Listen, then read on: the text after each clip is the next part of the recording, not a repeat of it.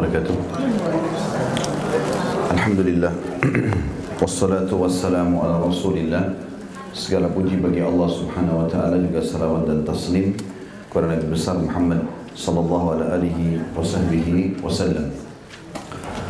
Melanjutkan bahasan kita tentunya Kitab Riyadus Salihin Dan kita masih dalam bab yakin dan tawakal serta sudah sering kita atau sudah dua kali kurang lebih pertemuan kita menjelaskan tentang masalah makna yakin dan tawakal ini. Bagaimana memang setiap muslim atau setiap orang di antara kita berkeyakinan bahwasanya pondasi agamanya keyakinan. Tidak boleh diikuti dengan keraguan sedikit pun. Apa yang telah Allah sebutkan dalam Al-Quran juga dirincikan oleh Nabi Muhammad SAW dalam sunnahnya maka semua itu benar yang dijanjikan untuk beriman, orang beriman dari ketentraman jiwa, kebahagiaan, solusi dari masalah, pemenuhan segala kebutuhan di dunia, juga keselamatan di akhirat dengan masuk dalam surga benar. Begitu pula dengan orang-orang yang berbuat kesalahan, dosa, maksiat pasti dihukum baik di dunia maupun di akhirat nanti. Di dunia dengan kesengsaraan, kesempitan jiwa dan nanti di akhirat dengan neraka dan itu pondasi yang tidak boleh sama sekali tergoyahkan. Harus yakin. Kemudian juga bertawakal.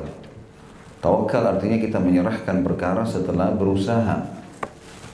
Jadi yakin dengan keyakinan apa pun yang Allah sampaikan dan Rasulnya lalu diikuti dengan menyerahkan apa pun yang sudah kita lakukan, yang sudah kita ikhtiar kepada Allah Subhanahu wa taala. Dan kita sudah membahas beberapa hadis berhubungan dengan masalah itu yang terakhir kita bahas adalah tentang masalah 70 ribu dari umat Muhammad sallallahu alaihi wasallam yang masuk surga tanpa hisab. Hadis 76. Saya bacakan dari Ibnu Abbas radhiyallahu anhuma juga maksudnya juga di sini adalah karena hadis 75 Ibnu Abbas juga yang meriwayatkan hadis sebelumnya bahwa Rasulullah SAW telah berdoa Allahumma laka aslamtu وبك آمنت وعليك توكلت وإليك أنبت وبك خاصمت اللهم أعوذ بعزتك لا إله إلا أنت أن تضلني أنت الحي الذي لا تموت والجن والإنس يموتون Doa ini doa mulia tentunya, zikir dan doa yang disebutkan Nabi SAW dalam hadis Bukhari dan Imam Muslim juga meriwayatkan ini. Yang artinya Allahumma laka aslamtu, ya Allah kepadamu lah aku berserah diri, wa bika amantu. Dan kepadamu lah aku beriman, wa alaika tawakkaltu. Dan kepadamu lah aku bertawakal, wa ilaika anabtu. Kepadamu lah aku akan mengembalikan seluruh urusanku, wa bika khasamtu. Dan karena mula aku bermusuhan. Artinya aku memusuhi siapa yang kau suruh musuhi. Allahumma a'udhu bi'izzatika Ya Allah aku berlindung kepada keperkasaanmu La ilaha illa ant Yang tidak ada Tuhan Yang berhak disembah kecuali engkau. Antudillani Agar engkau tidak menyesatkanku. Antal hayyul ladhi la tamut Engkau lazat yang selalu hidup Maha hidup Yang tidak akan pernah mati. Al wal jin wal insu yamutun Sementara atau sedangkan jin dan manusia akan mati semuanya ini makna globalnya. Seperti biasa kita akan lebih dalam mempelajari hadis ini. Potongan pertama dari doa ini Allahumma laka aslamtu. Ya Allah kepadamu lah aku berserah diri. Maknanya adalah seseorang muslim yakin dengan kebaikan Allah kepadanya. Kalaupun Allah sedang memberikan nikmat berarti Allah perhatian dan sayang dengannya. Kalaupun Allah berikan cobaan juga sama itu bentuk kasih sayang Allah kepada dia. Mungkin Bapak Ibu bertanya, kalau nikmat kita bisa faham itu adalah bentuk kasih sayang Allah. Kalau cobaan bagaimana memahami? Kalau itu adalah bentuk kasih sayang Allah. Ini pernah saya kasih contoh kalau masih ingat. Kalau ada pencuri atau siapa pun ingin berbuat dosa, tapi kita kasih contoh pencuri. Dia sebelum mencuri, pasti Allah akan tanamkan dalam hatinya rasa takut. Tidak ada orang yang mau mencuri atau buat kriminal, lalu nggak takut itu nggak ada. Seberani apa pun dia. Seberani apa pun dia. Pasti dia dimasuki dengan rasa khawatir, takut. Allah memberikan kepada dia peringatan yang kedua. Peringatan kedua mungkin pada saat dia mencuri, maka Allah buat orang-orang mengejarnya. Supaya bertambah ekstra rasa takutnya. Ternyata dia merasa dirinya selamat, dia coba ulangi lagi. Yang ketiga, Allah SWT buat dia kepergok. Sehingga digebuki misalnya. Kalaupun masih lolos misalnya, kalaupun dia lolos. Dan tetap dia masih mau melakukan, nanti sekalian Allah SWT hukum dia. Allah buat masyarakat keroyokan sampai matilah atau apa saja. Karena tahapan-tahapan ini diterabas aja sama dia. Saya pernah kasih contoh juga orang mau berzina begitu. Dia mau lakukan di hotel takut. Kalau tetap dia lakukan, Allah datangkan peringatan setelahnya. Ada orang yang lihat dia. Supaya dia berhenti. Mungkin cuma satu orang. Tapi kelirunya dia negosiasi sama orang itu. Jangan bilang orang ya. Dia tetap terabas lakukan. Nanti akhirnya berzina naudzubillah. Kemudian mulai ada masalah dalam rumah tangganya. Tetap juga dia lakukan, maka nanti Allah SWT buat dipermalukan. Polisi datang ke hotel, malam minggu nanti dikerem, nanti direbek, nanti kebongkar kedoknya dan seterusnya. Jadi selalu ada begitu. Berarti hukuman pun yang datang kepada pelaku maksiat bentuk kasih sayang Allah. Karena bayangkan kalau pencuri tersebut tidak pernah kepergok, kira-kira berhenti nggak dia? Masalahnya itu. Begitu juga dengan orang berzina tadi, kalau tidak, misalnya kita bebas berzina, tidak pernah ada peringatan dari Allah. Kira-kira ada orang yang tidak berzina? Berzina semua orang. Dia pikir aman-aman saja. Tapi subhanallah Allah datangkan peringatan-peringatan itu bentuk kasih sayang Allah. Makna berserah diri di sini adalah semua apa pun yang telah diberikan dalam bentuk nikmat dari Allah. Semua cobaan pun dari Allah. Dan itu pasti Allah karena sayang dengan kita sebagaimana sudah saya jelaskan contoh tadi. Jadi jangan pernah berpikir Bapak Ibu sekalian kalau cobaan sedang datang, oh ini berarti buruk buat saya. Enggak. Justru itu peringatan, itu bentuk kasih sayang Allah kepada kita. Kita jadi merasa, oh ternyata saya manusia, butuh kepada Allah. Kalau Bapak Ibu bisa tiap hari terus bergantung sama Allah, mungkin nggak ada cobaan. Kalau tiap hari, selalu kita bangun tidur sudah langsung berzikir, langsung bertaubat, langsung baca Quran, langsung ibadahnya semua, mungkin nggak ada cobaan. Masalahnya kan kita banyak lalai. Nah cobaan kalau datang membuat kita sadar lagi kalau kita ikhtiarnya selain kepada taubat, selain kepada doa, nggak akan dapat solusi. Masalah itu terus bergantung. Tapi kalau kita kembalikan kepada Allah, kita akan temukan ada jalan keluarnya. Itu makna aslam tu, aku menyerahkan diri. Sebagian ulama memberikan, maksudnya dia menyerahkan diri, menganggap semua ini kebaikan bagi dia. Itu makna aslam tu. Makna yang lain kata ulama, aslam tu adalah berserah diri kepada hal-hal yang dasarnya Allah subhanahu wa ta'ala bebankan kepada dia seperti misalnya orang lahir dalam keadaan cacat ya. atau orang e, ditipu oleh orang lain ya. Atau apa saja maka dia juga berserah diri di situ ya. artinya dia yakin Allah subhanahu wa ta'ala akan memberikan kepada dia jalan keluar potongan yang kedua wabika amantu kepadamu lah aku beriman dan kita sudah tahu iman adalah asas agama kita karena ada enam rukun iman. Iman kepada Allah, kepada malaikat, kitab kita, rasul-rasul, hari kiamat dan juga takdir baik dan takdir buruk. Ya. Dan mana daripada wabika amantu artinya aku beriman bahwasanya semua ini adalah ciptaanmu ya Allah. Dan sangat berhubungan dengan kalimat aslam itu tadi. Potongan ketiga wa alaika tawakkaltu dan kepadamu lah aku bertawakal sekarang aku sudah dicoba, aku akan ikhtiar ya Allah. Selebihnya aku serahkan kepadamu. Itu makna wa alaika tawakkaltu dan sudah kita jelaskan makna tawakal tentunya dari awal bahasan kita. Dan hadis Nabi SAW banyak sekali berhubungan dengan tawakal di antaranya hadis Bukhari. Kalau kalian betul-betul bertawakal kepada Allah, dalam hadis ini dikatakan hakku tawakkuli. Tawakal yang betul-betul luar biasa. Pokoknya yakin sama Allah, Allah akan bantu. Yang penting saya sudah ikhtiar.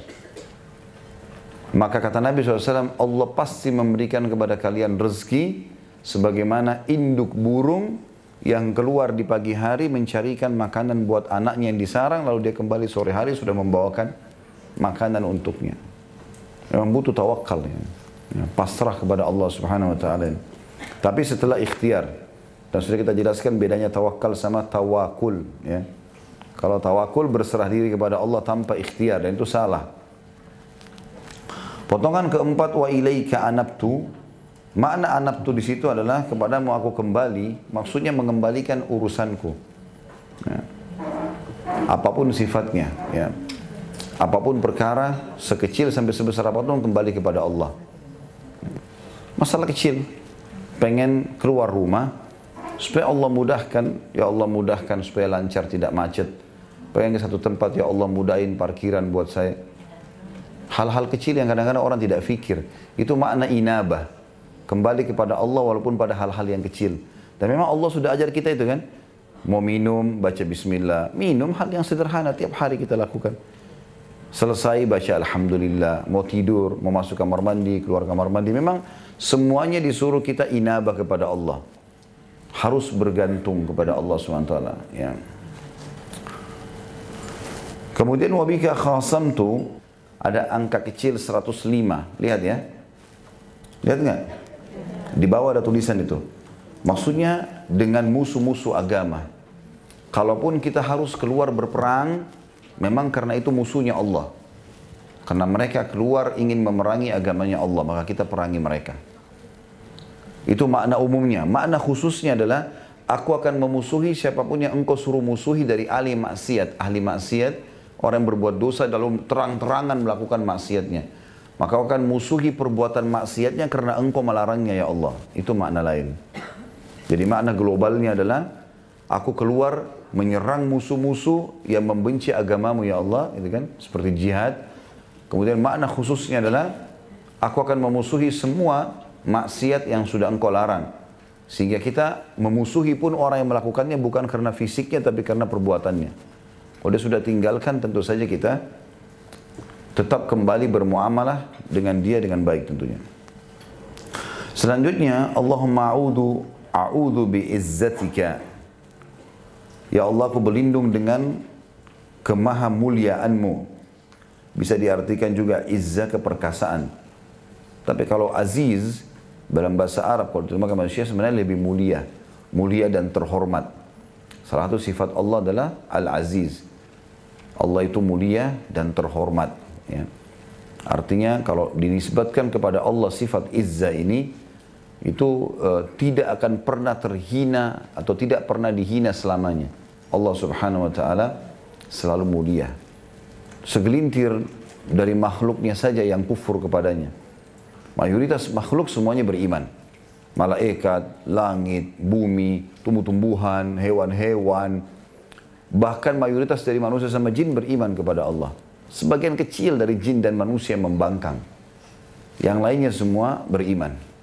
Semuanya ini mengetahui kalau dia punya pencipta Allah subhanahu wa ta'ala. La ilaha illa ant, kalimat yang paling mulia tentunya, kalimat tauhid. Tidak ada Tuhan yang berhak disembah kecuali engkau. Maknanya adalah, aku tidak mungkin bergantung kepada selain engkau ya Allah.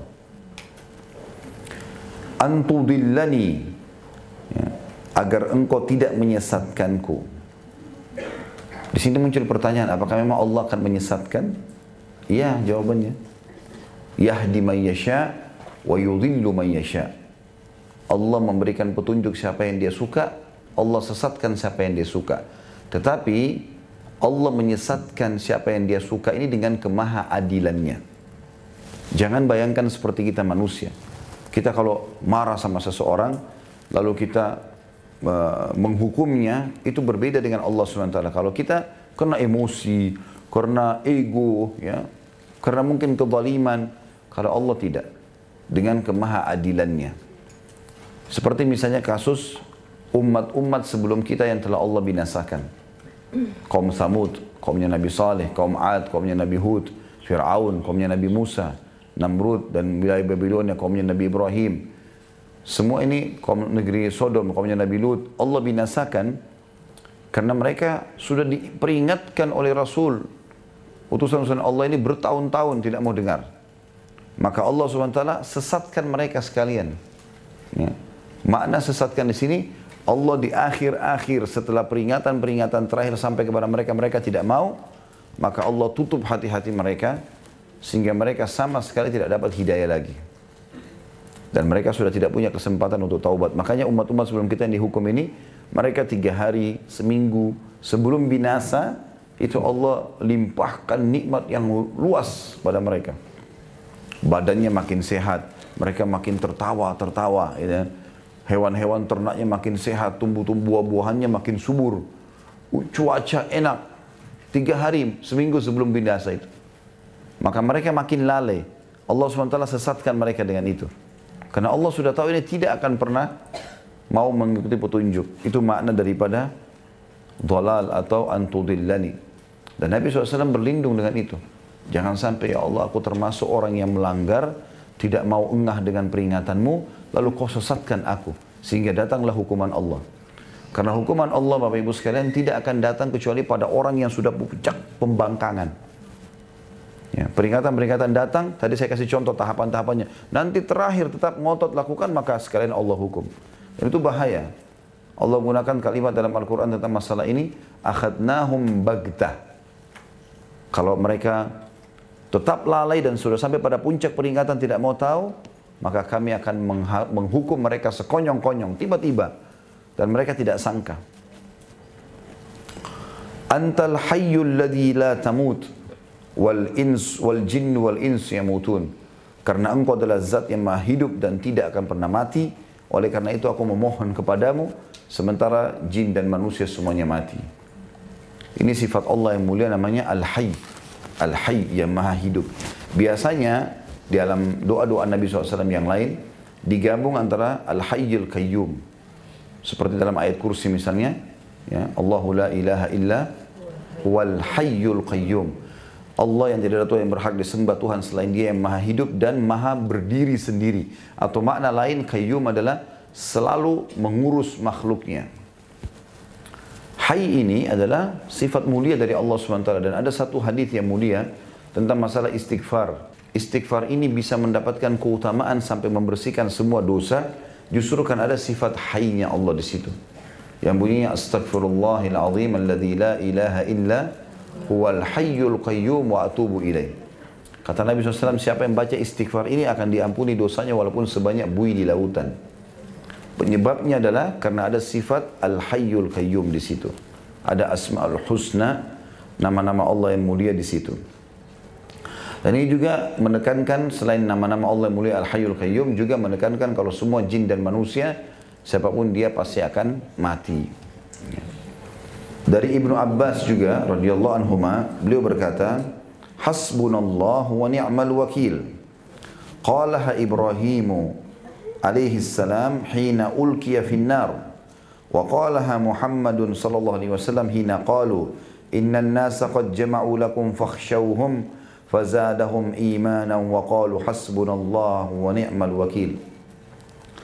Kalimat hasbunallah wa ni'mal wakil kata Ibnu Abbas radhiyallahu anhu cukuplah Allah menjadi penolong kami dan Allah sebaik-baik pelindung diucapkan oleh Nabi Ibrahim alaihissalam ketika beliau dilemparkan ke dalam kobaran api sehingga Allah selamatkan dan diucapkan oleh Nabi Muhammad sallallahu alaihi wasallam ketika mereka para musuh-musuh mengatakan dalam menakut-nakuti sungguhnya orang-orang telah bersatu untuk melawan kalian. Maka takutlah kepada mereka Ucapan itu justru menambah iman mereka dan mereka berkata cukuplah Allah menjadi penolong kami dan Allah adalah sebaik-baik pelindung. Dalam surah Al-Imran ayat 173 dan ini diriwayatkan oleh Imam Bukhari. Dan ada riwayat lain masih di nomor yang sama. Kita baca dulu semua riwayatnya. Nomor 77 ini.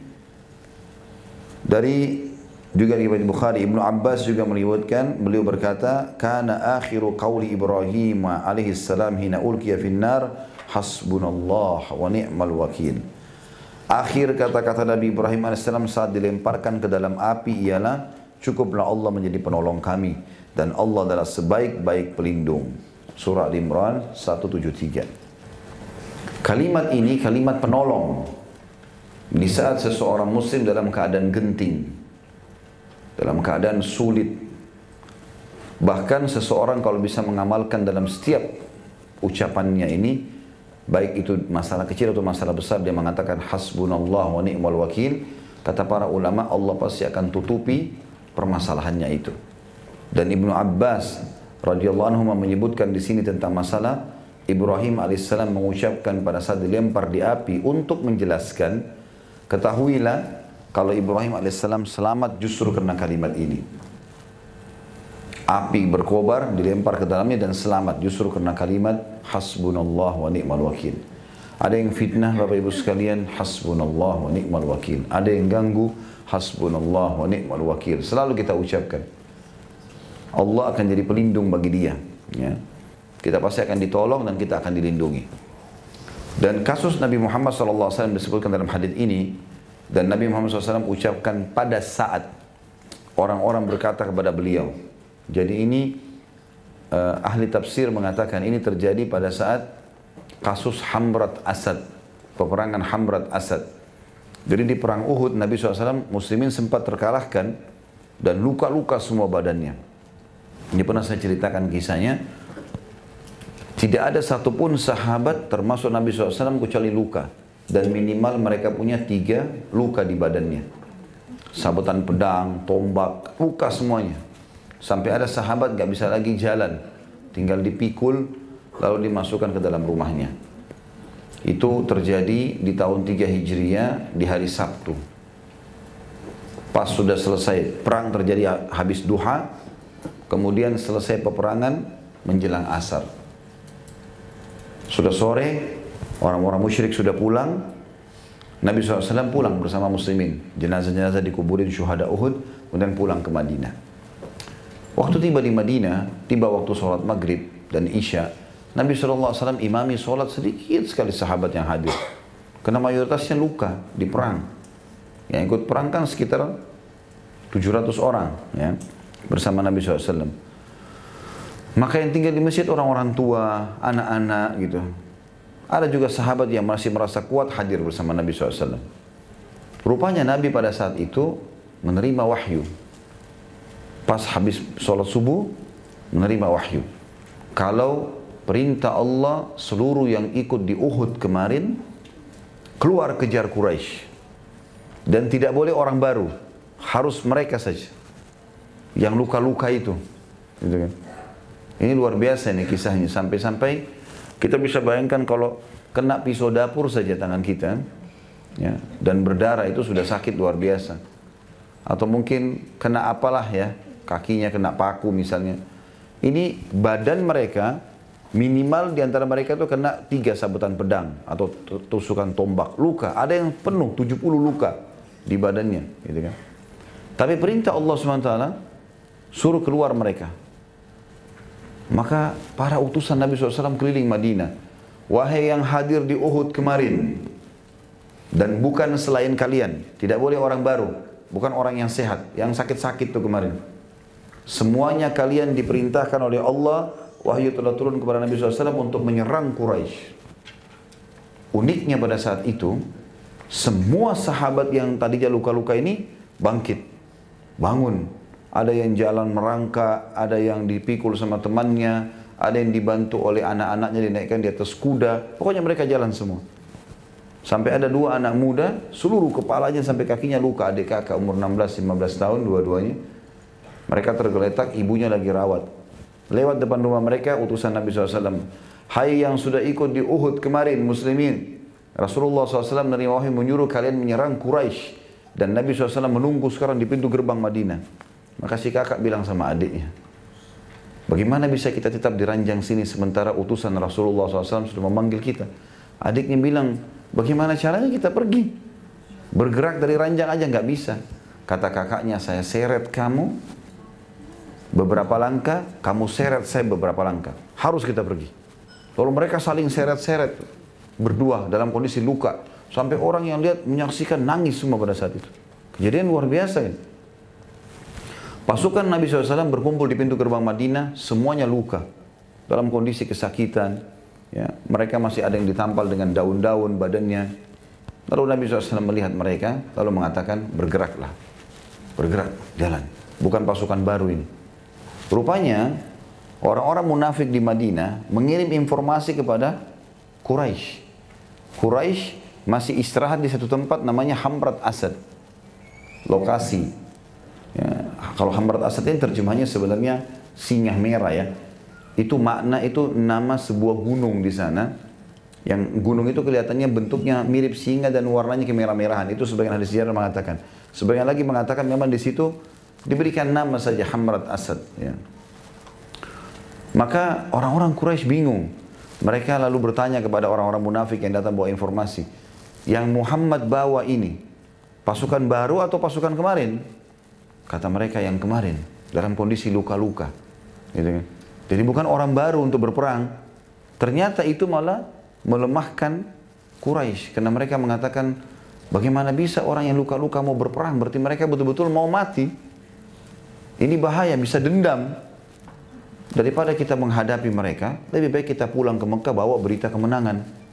Lalu mereka mengutus beberapa orang menuju ke pasukan Nabi SAW untuk menakut-nakuti. Datanglah beberapa orang ke pasukan Nabi SAW lalu mengatakan, Hai Muhammad, dari jauh, Hai muslimin, kalian mau melawan lagi, kemarin kan sudah kalah. Gitu kan? Dan itu terjadi hari Ahadnya. Karena Nabi SAW keluar hari Ahad pagi. Quraisy juga sudah bergerak meninggalkan Hamrat Asad. Janganlah kalian melawan. Karena pasukan Quraisy 2000 lebih. Pasukannya kan 3000 orang. Ada korban beberapa orang. 2900 pasukan Quraisy masih ada. Mereka sudah kuat dan mereka akan menyerang kalian supaya takut gitu. Ternyata seluruh sahabat bersama Nabi SAW itu 700 orang atau 630 orang karena ada 70 korban Uhud ya pada saat itu mengatakan hasbunallah wa ni'mal wakil. Allah sebaik-baik penolong dan pelindung. Itu makna daripada potongan Perkataan Ibnu Abbas radhiyallahu anhu dan Nabi sallallahu alaihi wasallam ketika mereka mengatakan kepada Nabi SAW, ya, sesungguhnya orang-orang telah bersatu untuk melawan kalian. Artinya Quraisy akan kembali melawan. Maka takutlah kepada mereka, pulanglah ke Madinah sebelum kalian dibunuh semua. Maka ucapan itu justru menambah iman mereka, maksudnya para sahabat dan Nabi SAW, dan mereka mengatakan, cukuplah Allah menjadi pelindung kami dan Allah adalah sebaik-baik pelindung. Justru Allah membuat mereka ketakutan.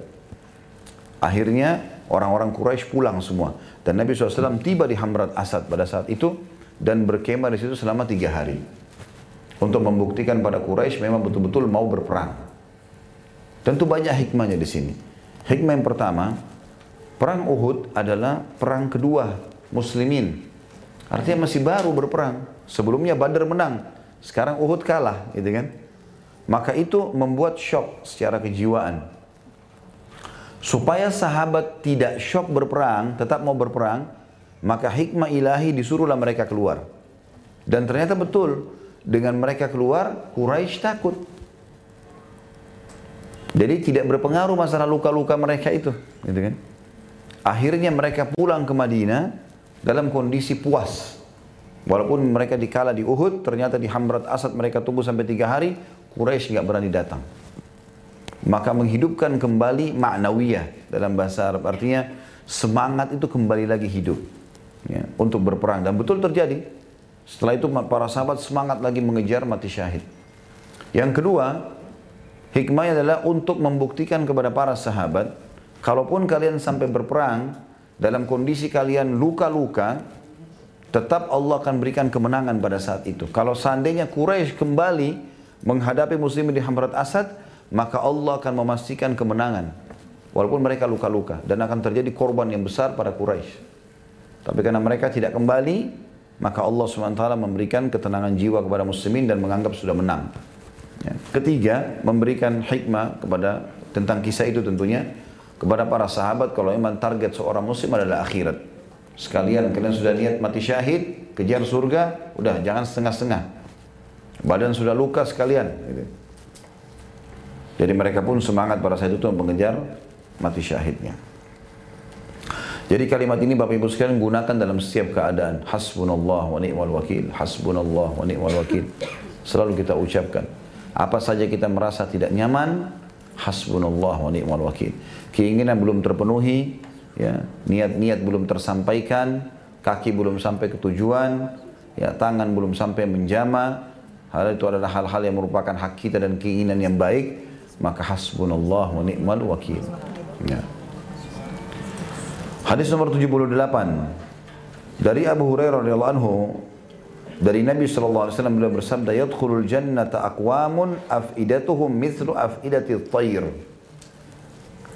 akan masuk surga orang-orang yang hati mereka seperti hati burung Hadis riwayat Imam Muslim.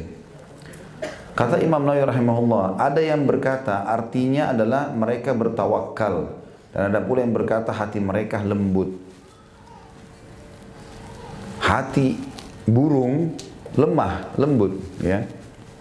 Itu sudah diadakan survei juga secara ilmiah, ditemukan dari segala jenis hewan, maka burunglah yang ditemukan hewan yang paling lemah, ya. Walaupun ada burung-burung seperti elang, raja wali, burung-burung yang mungkin punya kekuatan, tetapi tetap saja secara umum burung itu lemah. Sebagian ulama mengatakan kelemahannya juga karena bentuk hatinya kecil. Sebesar apa pun burung, tetap hatinya kecil, gitu kan? Sehingga tidak menampung seperti hewan-hewan yang badannya besar. Dan ini maknanya adalah lembutnya. Lembutnya. Kalau ada orang seperti itu hatinya lembut sekali. Dia dijahati, dia tetap tenang. Orang minta maaf, diterima maafnya. Dia mudah. Dia terima dalam keadaan apa pun, bersyukur kepada Allah. Lembut, ahli surga udah. Kalau kita temukan ada orang begini, Masya Allah selalu senyum. Ramah, ada orang begitu ya. Bawaannya selalu nyaman aja. Kita bahkan mungkin tidak pernah lihat mukanya marah gitu. Selalu baik, senyum. Itu ahli surga. Cirinya sudah begitu. Ya.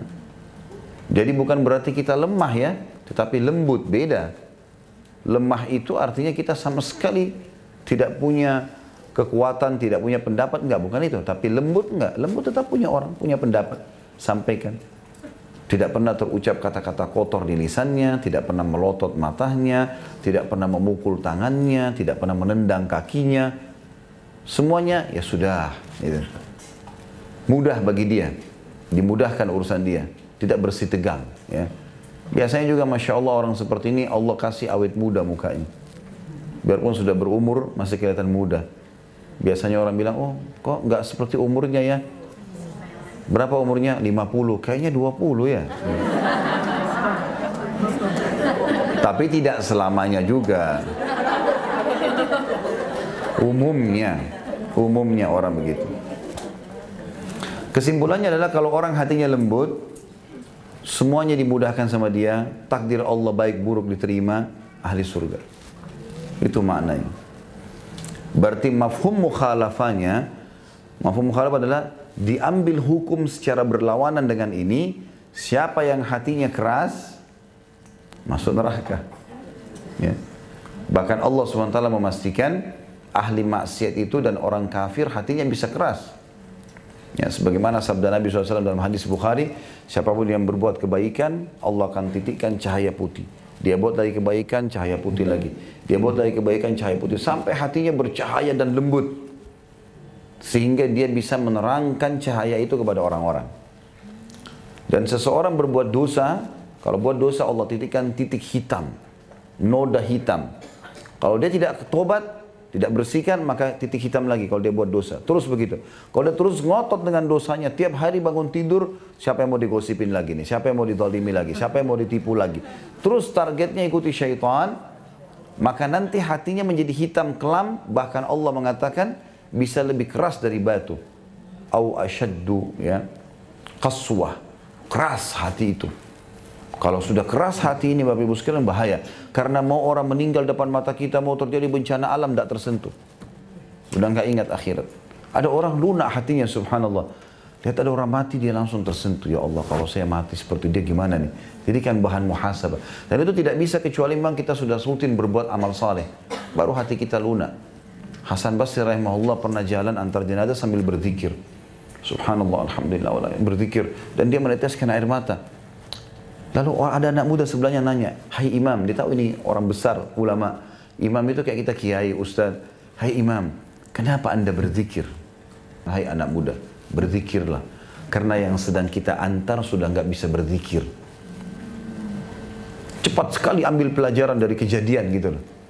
Orang lunak hatinya, ya. Lihat ada orang tabrakan, tersentuh. Dengar tentang neraka, tersentuh. Ya tentang surah itu lunak, hatinya lunak. Itu seperti tadi dimasukkan dalam hadis yang sebelumnya atau hadis ini tentang masalah hatinya lunak seperti burung itu, ya. Baik, kemudian nomor 79 Hadis kelima dalam bab yakin dan tawakal kita ini dari Jabir bin Abdullah radhiyallahu anhu أنه غزا مع رسول الله صلى الله عليه وسلم قبل نجد. فلما قفل رسول الله صلى الله عليه وسلم قفل معهم فأدركتهم الكائلة في واد كثير الإضاء. أو كثير كثير الإضاء إضاهي فنزل رسول الله صلى الله عليه وسلم وتفرق الناس يستظلون بالشجر. ونزل رسول الله صلى الله عليه وسلم تحت سمرة. فعلق بها سيفه. ونمنا نومه فإذا رسول الله صلى الله عليه وسلم يدعونا وإذا عنده أعرابي فقال إن هذا اخترط علي سيفي وأنا نائم فاستيقظت وهو في يده صلتا. قال ما يمنعك مني؟ قلت الله ثلاثا ولم يعاقبه وجلس. Jabir bin Abdullah radhiyallahu anhu menceritakan bahwasanya dia pernah ikut satu hari berperang bersama Rasulullah sallallahu alaihi wasallam ke arah Najd. Nanti kita jelaskan ini terjemahan dulu ya. Ketika Rasulullah SAW pulang, dia ikut pulang bersama mereka. Dan mereka tiba di sebuah lembah yang penuh dengan pohon berduri. Di waktu tengah hari, siang. Rasulullah SAW turun singgah di situ, sedangkan orang-orang pun berpencar bernaung di bawah-bawah pohon. Rasulullah SAW singgah di bawah pohon samura atau pohon berduri yang besar dan beliau menggantungkan pedangnya di sana. Kemudian kami pun tertidur. Tiba-tiba Rasulullah SAW memanggil kami dan ternyata di samping beliau ada seorang laki-laki badui. Lalu beliau bersabda, sesungguhnya orang ini mencabut pedangku dan menodongnya kepadaku ketika aku tidur. Maka aku bangun ketika pedang sudah terhunus di tangannya Lalu dia berkata, siapa yang bisa menjagamu dariku? Orang itu berkata kepada Nabi Wasallam, Aku katakan Allah sebanyak tiga kali dan beliau tidak menghukumnya dan beliau dan beliau duduk ya. atau dan beliau duduk di sini dan lalunya dihapus saja. Ini sebenarnya kejadian peperangan Nabi Shallallahu Alaihi Wasallam disebutkan dalam hadis ini atau riwayat ini berperang menuju ke arah Najd. Najd itu wilayah utara Jazirah Arab. Ya, lebih kepada Irak, ya, ke arah Irak. Ini salah satu peperangan Nabi SAW waktu ingin menghukum suku-suku Arab yang ikut dalam perang Ahzab. Jadi waktu itu Nabi SAW mengepung mereka, kemudian sampai menyerang mereka dan mereka lari, melarikan diri. Nabi SAW tinggal dan membersihkan wilayah tersebut dari orang-orang yang memang kufur. Kemudian beliau pulang, sampailah di wilayah yang dikatakan oleh Jabir bin Abdullah ini. Kisahnya adalah pada saat Nabi SAW mengizinkan sahabat untuk istirahat dan mereka bernaung di bawah-bawah pohon di siang hari. Mereka tidak memasang kemah lagi karena hanya istirahat sebentar mau pulang ke Madinah. Rupanya suku yang diserang oleh Nabi SAW tadi itu, mereka melihat dari kejauhan dari atas gunung dan mereka lihat muslimin lagi istirahat. Maka mereka saling berkata satu sama yang lain. Kelihatannya Muhammad sedang sendirian. Karena Nabi SAW sendirian di bawah pohon. Lagi istirahat, lagi tidur. Sahabat juga semua lagi tertidur. Siapa di antara kalian yang akan membunuhnya? Maka ada satu dari suku tersebut orang Badui keluar mengatakan saya. Lalu dia pun terus saja mendekati pasukan muslimin sampai berhasil berada di pohon yang ada Nabi Wasallam. Bukan cuma itu, dia berhasil mengambil pedang Nabi Wasallam, kemudian dia letakkan di leher Nabi. Sudah tinggal di garis Nabi SAW bisa meninggal. Begitu dia letakkan di leher Nabi SAW, Nabi buka matanya, bangun tidur, kaget, ini musuh. Sahabat gak ada yang menjaga Nabi SAW. Maka orang itu mengatakan, Hai Muhammad, siapa yang bisa menolongmu sekarang dari aku? Maka Nabi SAW mengatakan, aku mengucapkan dengan tenang Allah. Yang kedua kali Allah sampai tiga kali Allah. Tiba-tiba tangan orang Badui itu gemetar, lalu jatuhlah pedang Nabi SAW. Begitu jatuh, Nabi SAW memegang pedang tersebut, lalu mendorong si Badui jatuh ke tanah, Lalu Nabi SAW letakkan pedang itu di lehernya sambil mengatakan, siapa yang menolongmu sekarang dari aku? Maka orang Badu tersebut terdiam, karena mereka masih kafir. Belum beriman kepada Allah SWT. Maka pada saat terjadi itu, sahabat-sahabat masih pada tidur nih. Maka Nabi SAW panggil mereka. Maka sahabat pun pada berkumpul semua di situ. Mereka bingung kenapa Nabi SAW meletakkan pedang di leher orang nih. Tidak tahu cerita tadi gitu. Maka Nabi SAW ceritakan, tadi waktu lagi tidur, orang ini datang mengambil pedangku dan meletakkan pedang seperti posisi aku letakkan pedang sekarang di lehernya.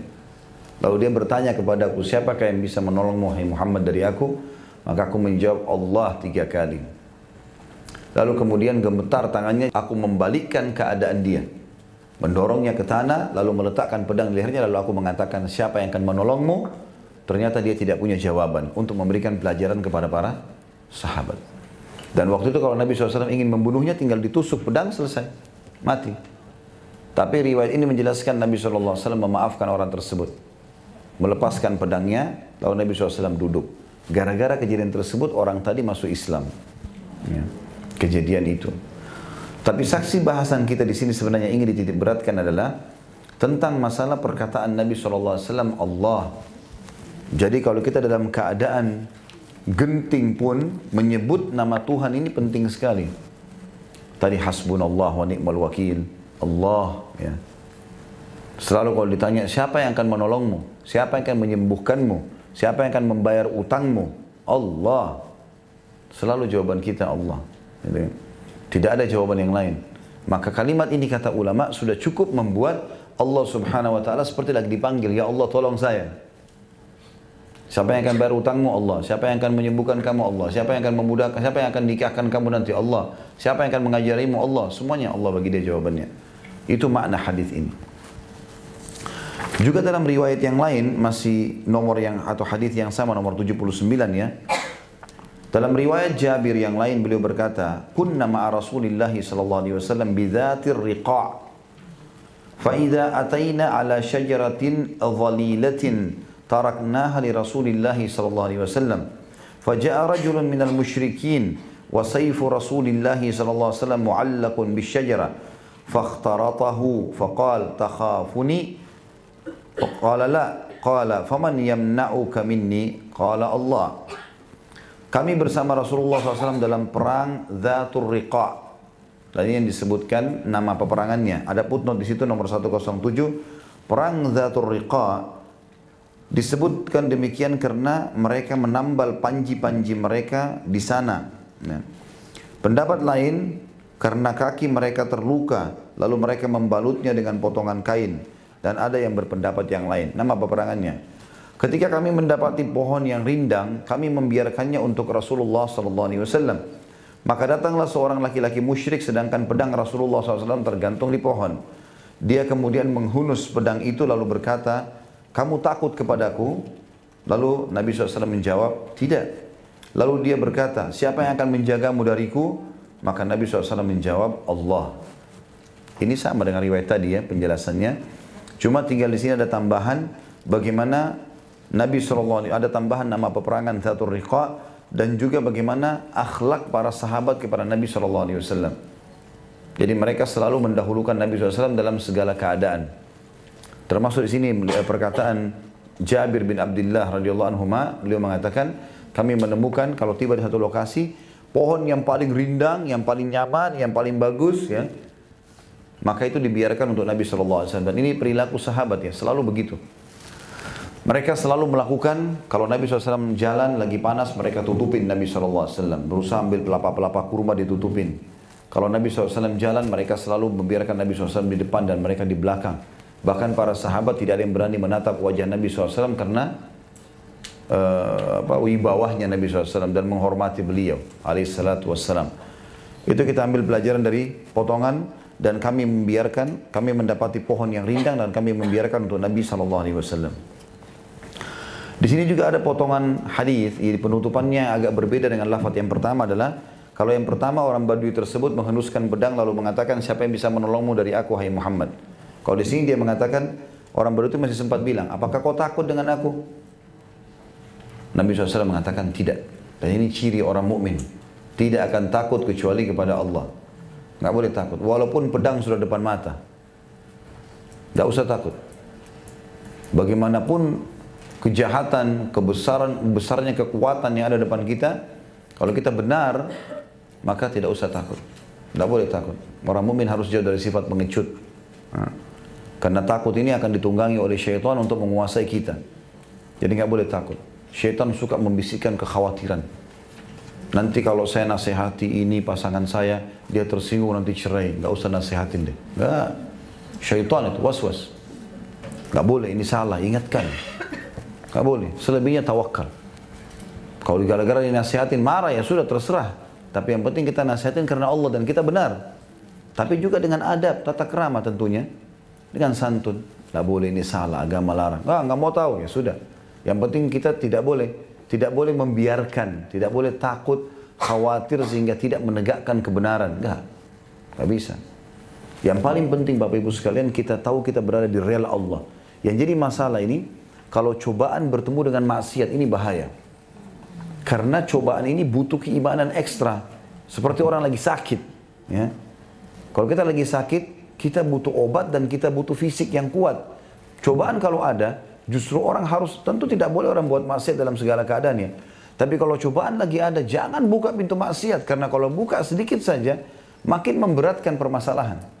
Kayak orang lagi stres dalam rumah tangganya, pergi ke diskotik malah mabuk.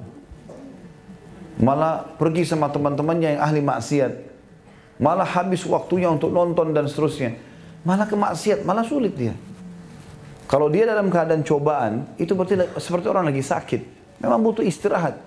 Malah tidak ada pintu dosa sama sekali. Kalau kita sudah benar-benar tidak tidak sedang maksiat dan ada cobaan datang, yakin kita akan keluar dari masalah itu. Tidak akan ada masalah sama sekali. Dan tidak usah khawatir. Benar-benar. A, A, B, B. Tidak ada. Seperti itulah. Karena itu juga harus kita menjawab, mengatakan tidak. Nabi SAW sudah dipegang pedang, akan ditusuk leher beliau, bisa meninggal. Apa kau takut dengan aku? Tidak. Lalu dikatakan siapa yang akan menjagamu dariku, maka beliau menjawab Allah. Masih di nomor 79. Riwayat Abu Bakar al-Ismaili dalam sahihnya, Qala ma yamna'uka minni. Qala Allah. Qala fasaqata as-sayfu min yadihi. Fa akhadha Rasulullah sallallahu alaihi wasallam as-sayf. Faqala man yamna'uka minni. قال فقال كن خير آخذ فقال تشهد أن لا إله إلا الله وأني رسول الله قال لا walakinni uahiduka alla uqatilak. Wala akuna ma'a qaumin yuqatilunak fakhalla sabilahu fa'ata ashabahu faqala ji'tukum min indi khairin nas. Maka dia bertanya ini riwayat lain ya menguatkan dua riwayat tadi sebelumnya siapa yang akan melindungimu dariku? Jadi langsung riwayat penutupan tadi ya. Pada saat orang musyrik itu sedang pegang pedang dan yang akan menusuk leher Nabi SAW. Siapa yang akan melindungimu dariku? Maka beliau menjawab Allah. Maka dia pun berkata, maka tiba-tiba pedang itu terlepas dari tangannya. Lalu Rasulullah SAW mengambil pedang tersebut dan balik bertanya. Setelah meletakkan pedang itu di leher musuh tadi, siapa yang akan menghalangimu dariku? Maka dia berkata, jadilah engkau sebaik-baik orang yang memegang pedang Maksudnya orang yang bisa memaafkan walaupun pedang sudah di tanganmu. Ini bahasa santunnya orang Badui, bahasa asli bahasa Arab. Jadi dia mengatakan kun khaira akhidin. Artinya jadilah engkau sebaik-baik orang yang punya kekuatan tapi bisa memaafkan. Maka pada saat itu beliau bertanya, apakah engkau mau bersaksi bahwasanya tidak ada Tuhan yang berhak disembah kecuali Allah dan bahwasanya aku adalah utusan Allah? Orang itu menjawab, tidak. Akan tetapi aku berjanji kepadamu bahwa aku tidak akan memerangimu dan tidak akan bersama orang-orang yang memerangimu. Maka beliau pun melepaskan orang tersebut. Lalu orang itu pergi menemui teman-temannya, ke sukunya kembali. Lalu dia berkata, aku datang pada kalian dari hadapan orang yang paling baik. Tentu di situ ada beberapa kosakata yang sedang dijelaskan tapi saya tidak perlu baca karena itu maknanya sudah kita terjemahkan dalam bahasa Indonesia. Hadis ini menjelaskan bahwasanya orang tadi tidak masuk Islam tetapi dia berjanji kepada Nabi SAW tidak akan memeranginya. Dan tadi saya sudah sebutkan ada beberapa buku-buku sejarah yang menyebutkan orang ini sempat masuk Islam. Ya. Itu khilaf di antara ahli sejarah. Baik kita masuk ke nomor 80. Dari Umar radhiyallahu anhu beliau berkata, aku mendengar Rasulullah SAW bersabda, "Lau annakum tatawakkaluna 'ala Allah haqqa tawakkulihi la razaqakum kama yarzuqut tayr tagdu khimasan wa taruhu bitana." Hadis ini Hasan diriwayatkan oleh Imam Tirmidzi. Seandainya kalian bertawakal kepada Allah dengan sebenar-benar tawakal, tentu Dia Allah akan memberikan rezeki kepada kalian sebagaimana Dia memberi rezeki burung yang pergi di pagi hari dalam keadaan perut lapar dan pulang di sore hari dalam keadaan kenyang. Dan maknanya adalah, kata Imam Nawawi, ia pergi di awal hari dalam keadaan khamasa, yakni perut yang kurus karena rasa lapar. Dan ia pulang di akhir hari dalam keadaan bitana atau perutnya penuh.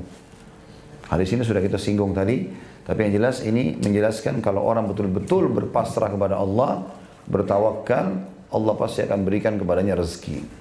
Ya. Hadis 81 karena ini sudah saya jelaskan maka saya tidak paparkan lagi. Dan hadis ketujuh dalam bab kita ini dari Abu Imara Al-Bara ibn Azib radhiyallahu anhu beliau berkata, Wahai fulan, Nabi SAW berkata kepada seseorang, apabila kamu hendak beranjak ke tempat tidurmu, maka ucapkanlah, baca doa ini. Allahumma aslamtu nafsi ilaik, ya Allah kepadamu aku serahkan diriku. Kemudian dikatakan wajjahtu wajhi ilaik dan kepadamu pula aku arahkan atau hadapkan wajahku. Lalu dikatakan wa fawwadtu amri ilaik dan aku kembalikan perkara-perkara urusanku kepadamu. Wa alja'tu dhahri ilaik dan aku mengarahkan punggungku atau sandarkan kepadamu. Ragbatan dengan penuh rasa harapan, warahbatan dan rasa takut ilaik. La malja wala manja minka illa ilaik dan tidak ada perlindungan dan tidak ada jalan selamat darimu melainkan kepadamu. Amantu bi kitabika allazi anzalt aku beriman kepada kitabmu yang telah engkau turunkan wa bi nabiyyika allazi arsalt dan kepada nabimu yang telah engkau utus. Maka seandainya engkau meninggal pada malammu itu, engkau benar-benar mati di atas fitrah. Dan jika engkau berada di esok hari, maka engkau akan mendapatkan kebaikan-kebaikan. Nanti kita jelaskan seperti biasa. Hadis selanjutnya masih di nomor 81 tapi riwayat lain. Dalam salah satu riwayat Bukhari Muslim dari Al-Bara ibn Azib radhiyallahu anhu beliau berkata, Rasulullah SAW bersabda, "Idza ataita majja'aka lis-salah, thumma taji' ala shikkika al-ayman wa qul wa dzakara nahwahu, thumma qala waj'alhunna akhira ma taqul." Apabila kamu mendatangi tempat tidurmu maka beruduklah seperti wudukmu untuk solat, kemudian berbaringlah pada sisi kananmu dan ucapkanlah. Di situ lalu dia menyebutkan seperti hadis tadi. Allah min aslam tu nafsi ilaik dan seterusnya.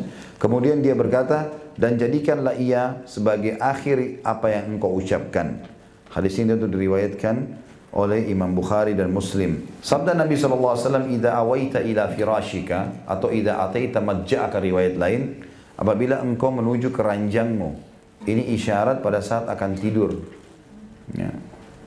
Walaupun hadis ini menjelaskan ada kalimat di malam hari, karena umumnya orang tidur malam hari, sebagian ulama mengatakan ini masuk setiap kali ingin tidur. Maka bacalah, ucapkanlah, ini potongan pertama tadi yang kita ambil, kalau kau menuju tempat tidurmu, bisa bermakna malam hari saja atau bermakna secara global semuanya kesempatan tidur siang atau malam. Ucapkanlah Allahumma aslam tu nafsi ilaik. Ini sudah kita jelaskan tadi ya. Ya Allah aku menyerahkan diriku kepadamu. Artinya dalam segala keadaan ya Allah. Nikmat sedang melimpahkah? Cobaan sedang banyakkah? Tetap aku berpasrah kepadamu. Wa wajjahtu wajhi dan aku mengarahkan wajahku kepadamu. Ya, termasuk sunnah Nabi SAW adalah kita menghadap ke arah kanan. Ya. Sebagian ulama mengatakan dianjurkan kalau bisa seseorang meletakkan ranjang tidurnya, ya, itu pada saat dia lagi tidur dan dia balik kanan, arah mukanya ke kiblat.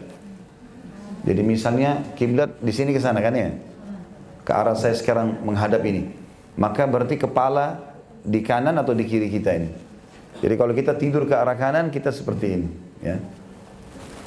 Itu termasuk istihad ulama yang mengatakan wa wajjahtu wajhi ilaik dan aku arahkan wajahku kepadamu. Maksudnya ke arah kiblat ini yang sudah Allah suruh kita sholat menghadap sana. Kemudian wafawattu amri ilaik dan aku serahkan seluruh urusanku kepadamu. Urusan apa saja? Yang sudah selesai ya Allah, yang belum selesai ya Allah, aku selesai aku serahkan kepadamu. Maknanya adalah kalau yang sudah selesai mudah-mudahan sudah tidak lagi hisap untukku hari kiamat. Yang belum selesai ya Allah, kalaupun aku meninggal, selesaikanlah. Ya.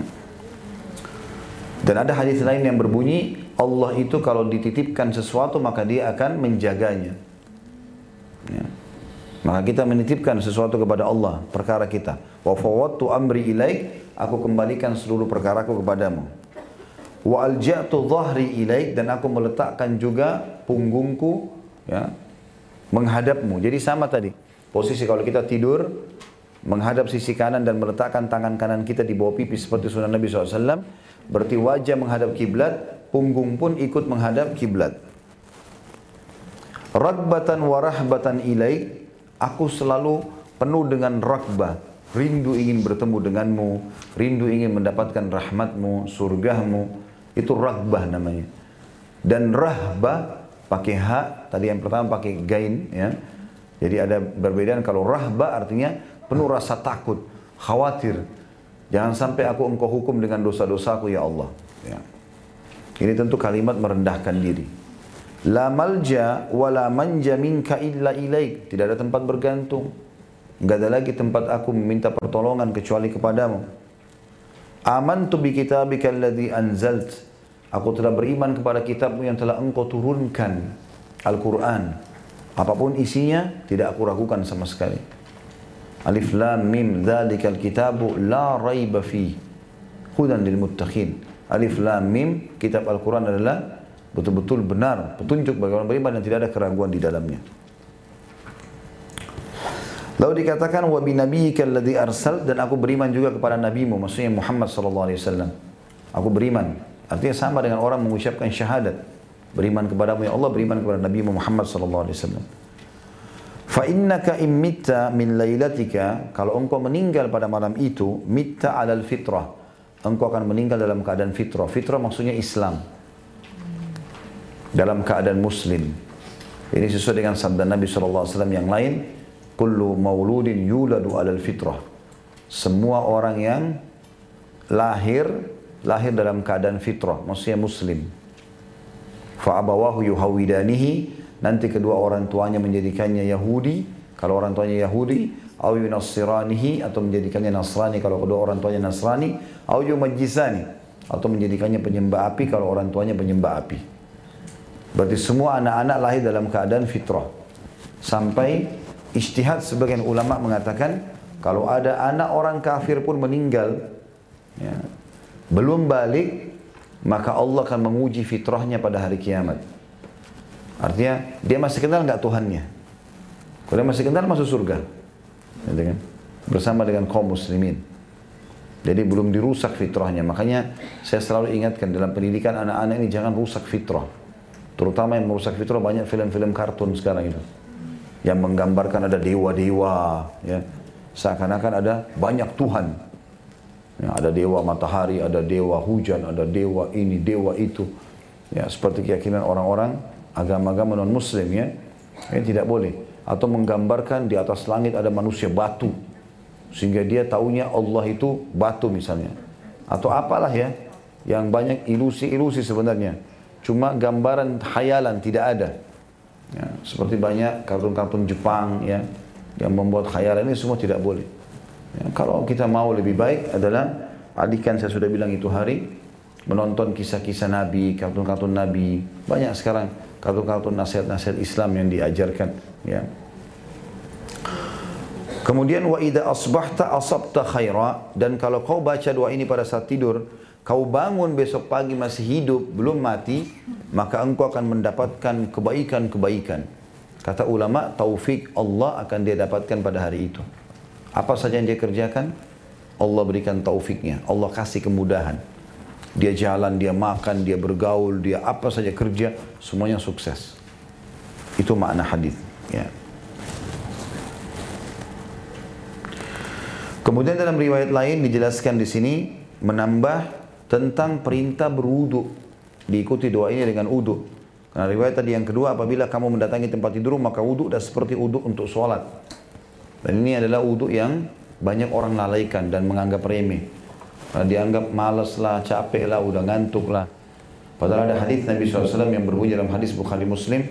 Kata Nabi SAW kepada para sahabat, maukah saya tunjukkan kalian amal yang paling banyak membersihkan dosa dan paling cepat mengangkat derajat di surga. Kata para sahabat, tentu ya Rasulullah. Kata Nabi SAW, ya, berwudu di waktu-waktu yang dibenci dan memperbanyak langkah-langkah kaki ke masjid. Jadi termasuk waktu itu berwudu di musim dingin, berwudu pada saat sudah rapi pakaian batal wudu terus mau wudu lagi, berwudu mau tidur. Ini biasanya orang tidak mau. Justru itu di situ puncak pahalanya. Pembersihan dosa. Dan wudu ini memang pembersihan dosa sebagaimana sabda Nabi SAW dalam hadis Bukhari yang lain. Uh, Kata Nabi SAW, tidak ada seorang muslim yang berwudu kecuali akan berjatuhan pada saat dia membasuh tangannya, dosa-dosanya dari tangannya bersama dengan tetesan air yang terakhir. Kalau dia usap, kalau dia kumur-kumur dan masukkan air di hidungnya, maka jatuh dosa dari situ. Kalau dia usap wajahnya dari matanya jatuh dosa. Kepala dari kepala, kaki juga dari kaki. Ya. Sampai bersih dosa-dosa yang pernah dia lakukan. Makanya kita dianjurkan selalu dalam keadaan wudhu. Kalau orang uduk sebelum tidur berarti dia membersihkan dirinya dari dosa yang dia kerjakan karena sedang menjatuhkan dosa-dosa. Kemudian juga dia tidur di atas cahaya karena uduk itu akan menjadi cahaya pada hari kiamat. Sebagaimana sabda Nabi SAW, aku akan ingin, aku ingin sekali bertemu dengan saudara-saudaraku. Kata para sahabat, ya Rasulullah, kami saudara-saudara anda. Kata Nabi SAW, bukan, kalian sahabat-sahabatku. Saudara-saudaraku yang datang sepeninggalku. Kita-kita ini sekarang. Lalu kata para sahabat, ya Rasulullah, bagaimana anda mengenal mereka? Ketemunya kan nanti di mahsyar. Kita nggak mungkin ketemu Nabi di dunia gitu. Maka kata Nabi SAW, bukankah seseorang pemilik kuda, kalau dia punya di antara sekian banyak kuda, ada kuda yang keempat kakinya berbulu warna putih. Bisa dibanding, bisa dia bandingkan dengan kuda-kuda yang lain. Walaupun badannya beda warnanya, tapi kakinya semua warna putih bulunya. Maka para sahabat mengatakan, tentu ya Rasulullah. Kata Nabi SAW, begitulah umatku akan datang dengan cahaya yang terang dari tempat-tempat uduk mereka.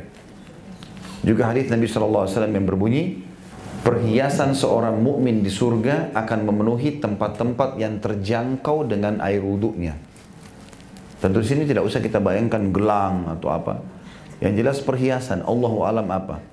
Allah akan kasih perhiasan orang mukmin memenuhi anggota tubuh yang terkena ya, air wudhu. Maka Nabi SAW juga mengingatkan dalam riwayat lain, siapa yang bisa memanjangkan jemahannya, lakukanlah. Ini batas minimal misalnya, lebihkan. Siku batas minimal, lebihkan, dan seterusnya. Juga ada hadis Nabi SAW yang berbunyi, siapa yang beruduk sebelum tidur, maka Allah akan titipkan di ranjangnya bersama dia malaikat. Ya, yang akan mendoakan dia setiap kali dia bergerak. Ya. Kemudian perintah juga di sini tambahan thumma taji' ala shikkikal aiman dan tidurlah sisi kananmu. Nah, jadi ini termasuk sunnah Nabi alaihissalam. Yang penting waktu awal kita tidur nanti kalau kita sudah tidur berpindah, berpindah posisi nggak ada masalah. Yang penting awal mau tidur itu balik sisi kanan. Itu sunnah Nabi SAW ya. Juga dalam sabda Nabi SAW tentang orang mimpi buruk. Kata Nabi SAW siapa yang mimpi buruk, kemudian dia terkaget, maka beristiadalah baca auzubillahi minasyaitonir dan meniup tiga kali sebelah kiri. Ya. Ditiup seperti sedikit. Sedikit mengeluarkan ludah tapi sedikit bukan ludah besar. Nanti suaminya ibu marah nanti. Atau ya, istrinya bapak-bapak nanti marah. Tidak boleh. Ya, sedikit saja ditiup ke arah kiri istiadah. Lalu kata Nabi SAW lalu tidurlah di posisi kananmu. Karena biasanya orang mimpi buruk itu kalau bukan tidur tengkurap tidur balik kiri kalau balik kanan, karena ikuti sunnah Nabi SAW, Allah amankan dia dari mimpi buruk itu. Kemudian juga potongan hadis kedua ini berbunyi waj'alhunna akhir ma taqul dan jadikan itu akhir ucapanmu. Berarti memang zikir-zikir sebelum tidur seperti baca ayat kursi, baca al-ikhlas tiga kali, al-falak tiga kali, an-nas tiga kali, bismillahirrahmanirrahim, ahya wa amud dan seterusnya. Ini dibaca justru awal-awal. Dan akhir doa kita adalah ini. Karena sunnah Nabi SAW dibaca ini yang terakhir. Baru kemudian kita tutupkan mata kita untuk tidur. Ya. Hadis 82 dan kita coba selesaikan ya karena sampai hadis 85 bab kita ini. Hadis yang ke-8 tentunya dalam bab kita dari Abu Bakar Siddiq radhiyallahu anhu Abdullah bin Uthman bin Amir bin Umar bin Ka'ab bin Sa'ad bin Taim bin Murrah bin Ka'ab bin Lu'ay Al-Ghalib Al-Qurashi At-Taimi beliau bapak dan ibunya semuanya adalah sahabat radhiyallahu anhum. Beliau berkata Nazartu ila aqdamil musyrikin wa nahnu fil ghar wa huwa ala ru'usin wa hum ala ru'usina faqultu ya Rasulullah law anna ahadahum nazara tahta qadamayhi la absarana فقال ما ظنك يا أبا بكر Bakrin الله ثالثهما Aku melihat telapak kaki orang-orang musyrik ketika kami bersembunyi dalam gua. Mereka berdiri di atas kepala kami. Aku katakan wahai Rasulullah, seandainya salah seorang mereka melihat ke bawah telapak kedua kakinya, pasti dia melihat kita. Maka beliau bersabda, Bagaimana prasangkaanmu, prasangkaanmu wahai Abu Bakar terhadap dua orang yang Allah uh, sebagai pihak ketiganya? Hadis ini diriwayatkan oleh Imam Bukhari Muslim. Yang disebutkan di awal sanad hadis ini ya, Abdullah bin Uthman dan seterusnya ini adalah dianggap sanatnya Abu Bakar radhiyallahu anhu. Ya. Walaupun sebenarnya Abdullah diberikan julukan uh, namanya Abu Bakar adalah Abdullah. Kemudian nama ayahnya Abi Kuhafa. Sebab riwayatnya menjelaskan Uthman. Makanya di sini sanatnya beliau ini ya, maksudnya silsilah sanatnya Abu Bakar. Abdullah namanya Abu Bakar Siddiq, Uthman nama ayahnya, Amir nama kakeknya, bin Umar bin Ka'ab dan seterusnya. Dan dia termasuk dari turunan At-Taimi. Ya. Hadis ini menjelaskan kepada kita tentang kisah waktu Nabi SAW bersama Abu Bakar akan hijrah ke Madinah. Waktu akan hijrah ke Madinah, jadi kalau kita gambarkan uh, Madinah atau Jazirah Arab seperti telapak tangan saya ini, di atas sekali Jazirah Arab itu utara Jazirah Arab ada negeri Syam, Palestina, Jordania, Lebanon dan Syria. Di bawah sekali di selatannya namanya Yaman. Di tengah-tengah ada Mekah, ada Madinah. Ada Mekah, ada Madinah. Jadi Mekah di bawah. Mekah itu lebih dekat ke Yaman. Madinah lebih dekat ke negeri Syam. Kalau kita lihat secara petah ya. Nah Nabi SAW waktu mau hijrah ke Madinah, mestinya kan Nabi naik ke atas. Karena Madinah di atas Mekah, ke utara. Tapi karena Nabi SAW dapat perintah wahyu disuruh ke arah selatan, maka beliau ke bawah dulu. Itulah yang dikenal dengan ya, Gua Thur atau Jabal Thur ya. Di Madinah, di Mekah kan ada dua, dua gunung yang terkenal yang punya sejarah dengan Nabi SAW. Ya, ada Jabal Nur, yang ada Gua Hira, tempat Nabi SAW pertama terima wahyu Iqra' bismillahirrahmanirrahim khalaq dan ada Jabal Thur, tempat Nabi SAW sembunyi pada saat mau hijrah. Nah Nabi SAW diperintahkan oleh Allah ke sana. Maka beliau pun menuju ke sana. Ringkas cerita pada saat masuk ke dalam gua di situ atau sementara menuju ke sana, Nabi SAW bersama Abu Bakar radhiyallahu anhu. Dan Abu Bakar waktu itu sudah lama minta izin dengan Nabi SAW untuk hijrah ke Madinah, tapi Nabi masih bilang, jangan dulu Abu Bakar. Mungkin Allah akan siapkan teman untukmu. Sampai akhirnya di malam Nabi SAW akan dibunuh oleh orang-orang Quraisy, maka beliau pun malam itu keluar dari rumahnya dan Allah buat orang-orang Quraisy anak-anak muda yang mengantuk semua tertidur. Lalu Nabi SAW meletakkan tanah atau pasir di atas kepala mereka. Kemudian Nabi SAW ke Abu Bakar lalu mengatakan, Hai Abu Bakar telah diizinkan hijrah. Kata Abu Bakar, ya Rasulullah izinkan aku bersama anda. Kata Nabi SAW, engkau bersama aku. Maka Aisyah berkata, radhiyallahu anha waktu itu masih kecil. Belum nikah dengan Nabi SAW. Dia mengatakan, Ya Rasulullah, uh, saya belum pernah melihat ayahku ya, menangis karena bahagia seperti nangis pada saat itu. Karena dia dibolehkan hijrah bersama Nabi alaihi salatu wassalam. Maka Abu Bakar sudah menyiapkan ada dua ekor unta berikut persiapan-persiapannya. Maka Abu Bakar pun naik sama Nabi SAW lalu dia menyuruh Abdullah bin Abi Fuhaira uh, ini pengembala domba pengembala dombanya Abu Bakar untuk mengikuti dua unta ini dari belakang sehingga jejak-jejak kakinya unta Nabi SAW Abu Bakar itu terhapus dengan jejak-jejak kaki domba ini. Jalanlah mereka menuju ke Jabal Thur itu lalu diikuti dengan cara seperti Nabi SAW tinggal tiga hari di sana. Ya, dan Asma binti Abi Bakar, anaknya Abu Bakar radhiyallahu anhum ajma'in, ini yang mengantarkan makanan setiap hari. Ya. Kemudian ada satu anak yang lain bernama Abdurrahman, ini yang tugasnya untuk memantau orang-orang Quraisy, tahu atau enggak gitu. Tetapi subhanallah, orang-orang Arab ini karena hidupnya kebanyakan di padang pasir, maka mereka betul-betul mendalami padang pasir itu, mirip dengan orang kalau nelayan di laut ya. Jadi mereka punya ilmu pengetahuan dari pengalaman, dia bisa tahu dari jejak kaki, ini kaki unta kah, ini kaki serigala kah, ini kaki domba kah, dia bisa tahu. Ini kaki manusia, kalau manusia mungkin beda, tapi hewan kan sulit di badan pasir.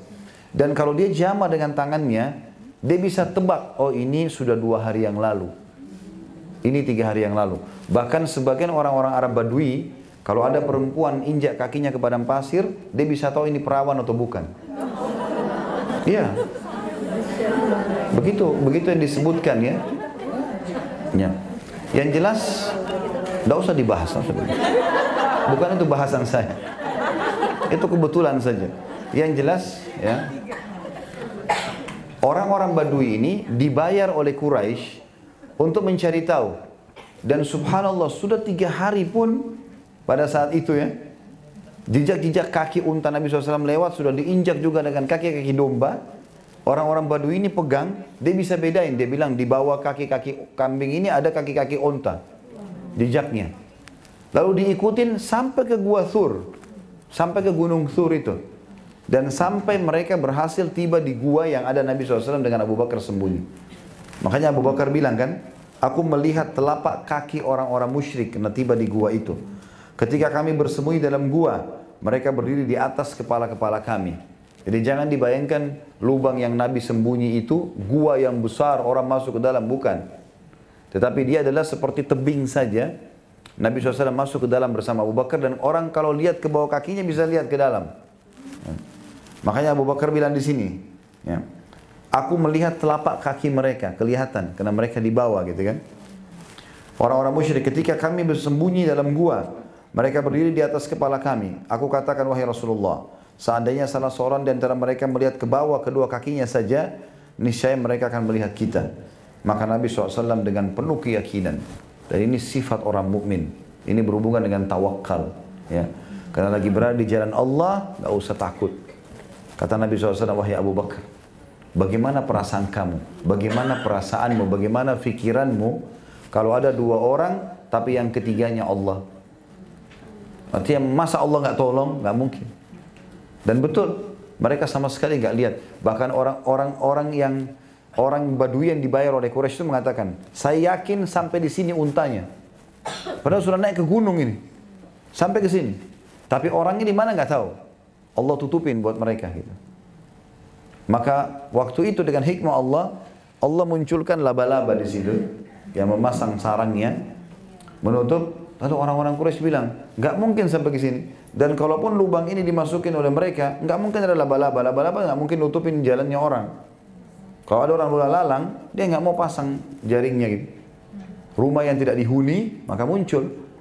Tapi kalau orang sering tinggal tiap hari, laba-labanya nggak ada kecuali tempat-tempat terpojok yang tidak dijangkau oleh manusia lah ya. Seperti itu.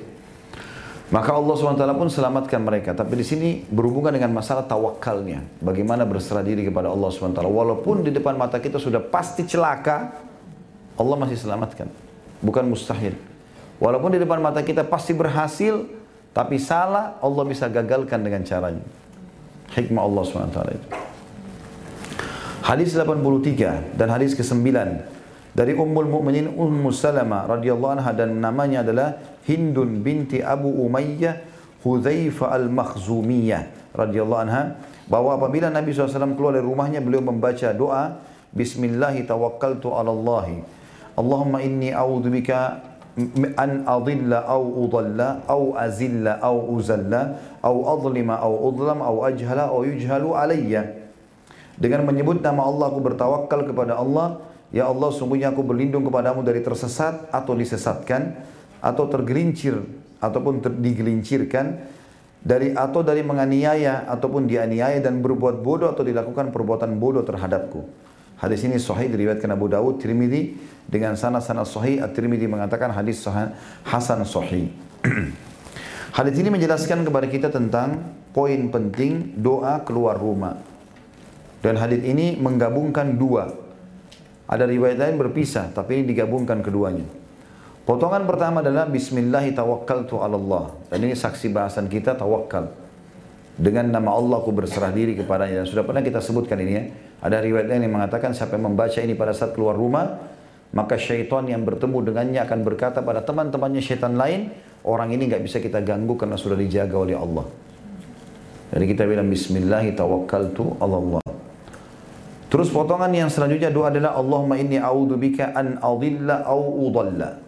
Ya Allah jangan sampai aku ya disesatkan atau tersesat ataupun menyesatkan ya. Atau berarti tersesat atau disesatkan. Jangan sampai ada yang menyesatkan aku ya Allah kalau aku keluar. Dan ini juga kalimat mulia. Jangan sampai ada yang menipu kita, menyesatkan kita. Au azilla au uzalla atau aku tergelincir. Maksudnya tergelincir dalam maksiat. Makna lain azilla adalah terhina. Jangan sampai aku terhina atau aku dihinakan. Bisa juga bermakna yang lain adalah aku menyesatkan atau aku menyesatkan orang lain. Aku digelincirkan atau aku menggelincirkan orang lain aku menghina atau aku menghina orang, aku dihina atau aku menghina orang lain. Itu semua kita minta agar lindungi. Dan ini harus dihafal ya, dibaca kalau keluar rumah. Au azlima au udlam dan jangan sampai aku dizalimi atau aku menzalimi ya. Atau aniaya. Jangan sampai aku mengambil hak orang lain atau hakku diambil oleh orang lain. Au ajhala au yujhalu alayya. Dan jangan sampai aku dibodohi atau atau terbodohi atau membodohi orang lain. Ini kalimat yang luar biasa agar kita tidak ditipu. Ya. Allah SWT akan jaga dengan doa-doa seperti ini. Dua hadis yang terakhir adalah hadis 84 dan ini hadis ke-10 tentunya dari Anas radhiyallahu anhu beliau berkata Rasulullah SAW bersabda man qala ya'ni idza kharaja min baitihi bismillah tawakkaltu ala Allah wa la hawla wa la quwata illa billah yuqalu lahu hudita wa kufita wa wukita wa tanahha anhu syaitan.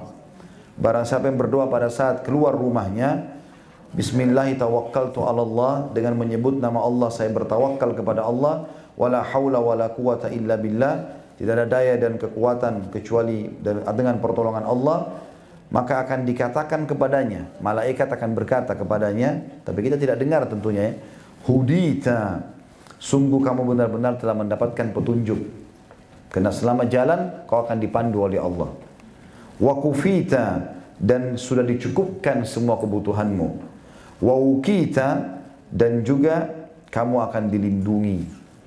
Serta syaitan akan menjauh darinya. Hadis ini riwayat Abu Dawud, Tirmidzi, An-Nasai dan dikatakan hadis hasan. Dan Abu Dawud menambahkan, fayakul yakni syaitan li syaitanin akhar kaifa laka birajulin kad hudiya wa kufiya wa ukiya. Maka syaitan pun akan berkata kepada teman-temannya syaitan lain, bagaimana mungkin kamu bisa menggoda seseorang yang telah diberi petunjuk, dicukupkan dan juga dijaga. Dan tentu hadis ini sudah kita jelaskan tadi ya, potongan-potongannya mulia sekali. Maka selalu baca Bismillahi tawakkaltu ala Allahi la hawla wa la quwata illa billah. Ya. Kalau disambung tadi, A'udhu bika min an adilla au udalla au azilla au uzalla au adlima au udlama au ajhala au yujhalu alayya. Ya. Jadi kita baca. Ini pasti syaitan tidak mau kita membaca ini. Karena dia tidak bisa menggoda kita. Dan selama perjalanan kita dapat petunjuk. Dicukupkan kebutuhannya dan juga akan dilindungi. Hadis terakhir dalam bab kita adalah hadis ke-85 dan ini hadis ke-11. Dan insya Allah pertemuan akan tadi kita sudah masuk ke bab ke-8 masalah bab istiqamah ya. Dari Anas radhiyallahu anhu beliau berkata, "Kana akhawani ala ahdi Nabi sallallahu alaihi wasallam wa kana ahduhuma ya'ti Nabi sallallahu alaihi wasallam wal akharu yahtarif." Fashakal muhtarifu akhahu lin Nabi SAW faqala la'allaka turzaku bih. Ada dua orang bersaudara di zaman Nabi SAW atau di masa Nabi SAW, salah satunya mendatangi Nabi SAW sedangkan yang satu lagi bekerja. Maka yang bekerja tadi mengadukan perihal saudaranya yang tidak bekerja kepada Nabi SAW. Maka beliau bersabda, barangkali engkau diberi rezeki karenanya. Diriwayatkan oleh Trimidi dengan sanad sahih sesuai dengan syarat Imam Muslim. Makna hadis ini teman-teman sekalian, kalau ada seseorang di antara kita diuji oleh Allah, mungkin orang tuanya, mungkin anaknya, mungkin saudaranya, dia sudah nasihati, dia sudah luruskan, tetap saja. Maka yakinlah Allah ingin kebaikan, pahala besar kita dari dia. Itu maknanya. Ya. Karena di sini diceritakan di zaman Nabi SAW ada dua orang bersaudara. Yang satu rutin selalu hadir di pengajian Nabi SAW. Yang satu nggak bisa karena bekerja, gitu kan? Maka yang ikut pengajian tidak bisa bekerja, terpaksa yang bekerja yang membiayai. Seakan-akan saudaranya mengeluh. Ini orang karena nggak kerja ya Rasulullah, dia punya waktu banyak. Saya bekerja nggak ada waktu nih. Maka kata Nabi SAW, justru kamu dapat rezeki karena dia. Karena kau biayai hidupnya, kau dapat rezeki. Ya. Jadi jangan putus asa dengan saudara kita yang belum dapat hidayah, paman, tante, kerabat. Ya ini semua kalau ada orang, kalau semua orang sudah dapat hidayah, Bapak Ibu sekalian, kita dapat pahala dari mana? Hah? Ada tapi kecil. Tapi kalau orang banyak belum dapat hidayah, maka kesempatan kita menyampaikan kepada dia kan. Bahkan kalau dia di bawah naungan kita, justru menjadi penyebab kita mendapatkan rezeki. Sebagaimana makna hadis ini. Ya. Jadi coba kita bantu. Ada adik saya Ustaz selalu minta. Ya tak apa-apa kasih aja. Bisa saja justru memang Allah menguji kita di situ. Justru dengan kita kasih kita akan mendapatkan pahala ekstra. Mungkin dia jadi malas, itu kan mungkin. Mungkin dia sudah bekerja tapi nggak dapat. Bantu saja semampu kita. Sambil setiap bantu kasih titipan pesan. Kalau dia minta sesuatu yang masuk akal kasih. Kalau dia pakai mabuk-mabukan jangan. Tapi kalau dia mau, saya mau modal usaha ini. Oh gagal, baik mana laporannya? Oh gagal begini. Baiklah, ini modal lagi. Tidak ada masalah. Sodakah kok, gitu kan? Makna hadis global ini masuk dalam bab yakin. bahwasanya yakinlah. Seperti itu pesan Nabi SAW. Kalau ada cobaan yang datang dari orang-orang terdekat kepada kamu sehingga kau menaunginya, maka berarti rezekimu akan datang tambahan justru dari dia. Ya, seperti itu maknanya. Ini makna hadisnya. Allahu alam. Baik begitu saja insya Allah bahasan kita. Uh, tadi saya sempat telat beberapa menit dan ini sudah saya gantikan insya Allah saya mohon maaf tadi waktu tiba dan saya sudah sampaikan ke teman-teman panitia kalau saya terlambat tadi karena masih ada uh, utur syari yang saya harus selesaikan. Dan insya Allah sudah saya uh, isi beberapa menit. Tadinya jam 11 kita pengajian 9 sampai 11 sekarang sudah jam 11 lewat. Mudah-mudahan ini sudah cukup untuk menggantikan jadwal yang tadi itu lewat. Dan uh, kita berdoa kepada Allah SWT semoga majelis kita diberkahi olehnya dan dijadikan sebagai tambahan amal kita pada hari kiamat dan semoga seluruh amal tidak terkecuali yang pernah kita kerjakan kecil atau besar yang kemudian uh, uh, wajib ataupun sunnah semuanya diterima dengan pahala yang sempurna. Dan semoga seluruh dosa yang pernah kita lakukan kecil ataupun besar sengaja tidak sengaja samar ataupun nyata semua diganti oleh Allah dengan kemahamurahnya menjadi pahala. Dan selalu kita doakan Indonesia menjadi negara yang aman, tentram, damai, seluruh umat Islam di bawah naungan ukhuwah Islamiyah, diangkat perselisihan di antara mereka dan dalam hal ibadah mereka kembali kepada Al-Quran dan Sunnah. Dan semoga juga Indonesia selalu dikaruniai pemimpin muslim yang adil yang kembali kepada Al-Quran dan Sunnah. Dan semoga Allah memberikan hidayah seluruh jajaran muslimin di Indonesia dan seluruh dunia ini. Serta juga orang non-muslim agar masuk ke dalam agama Islam.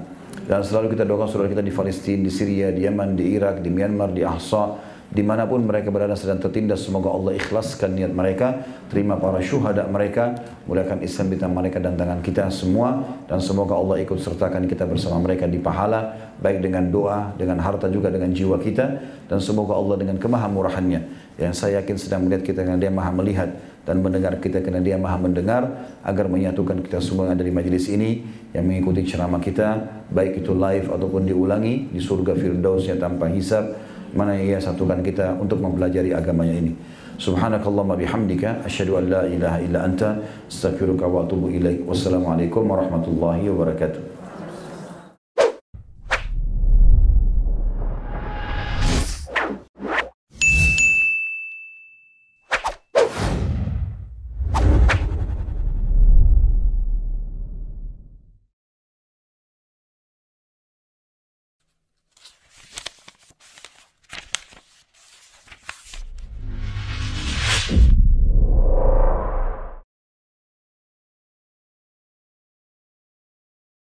Assalamualaikum. Untuk pemesanan paket umroh murah bisa menghubungi 0821 4196 0857 Kami ulangi sekali lagi untuk pemesanan paket umroh murah bisa menghubungi 0821 4196 0857 Sekali lagi 0821 4196 0857 Terima kasih.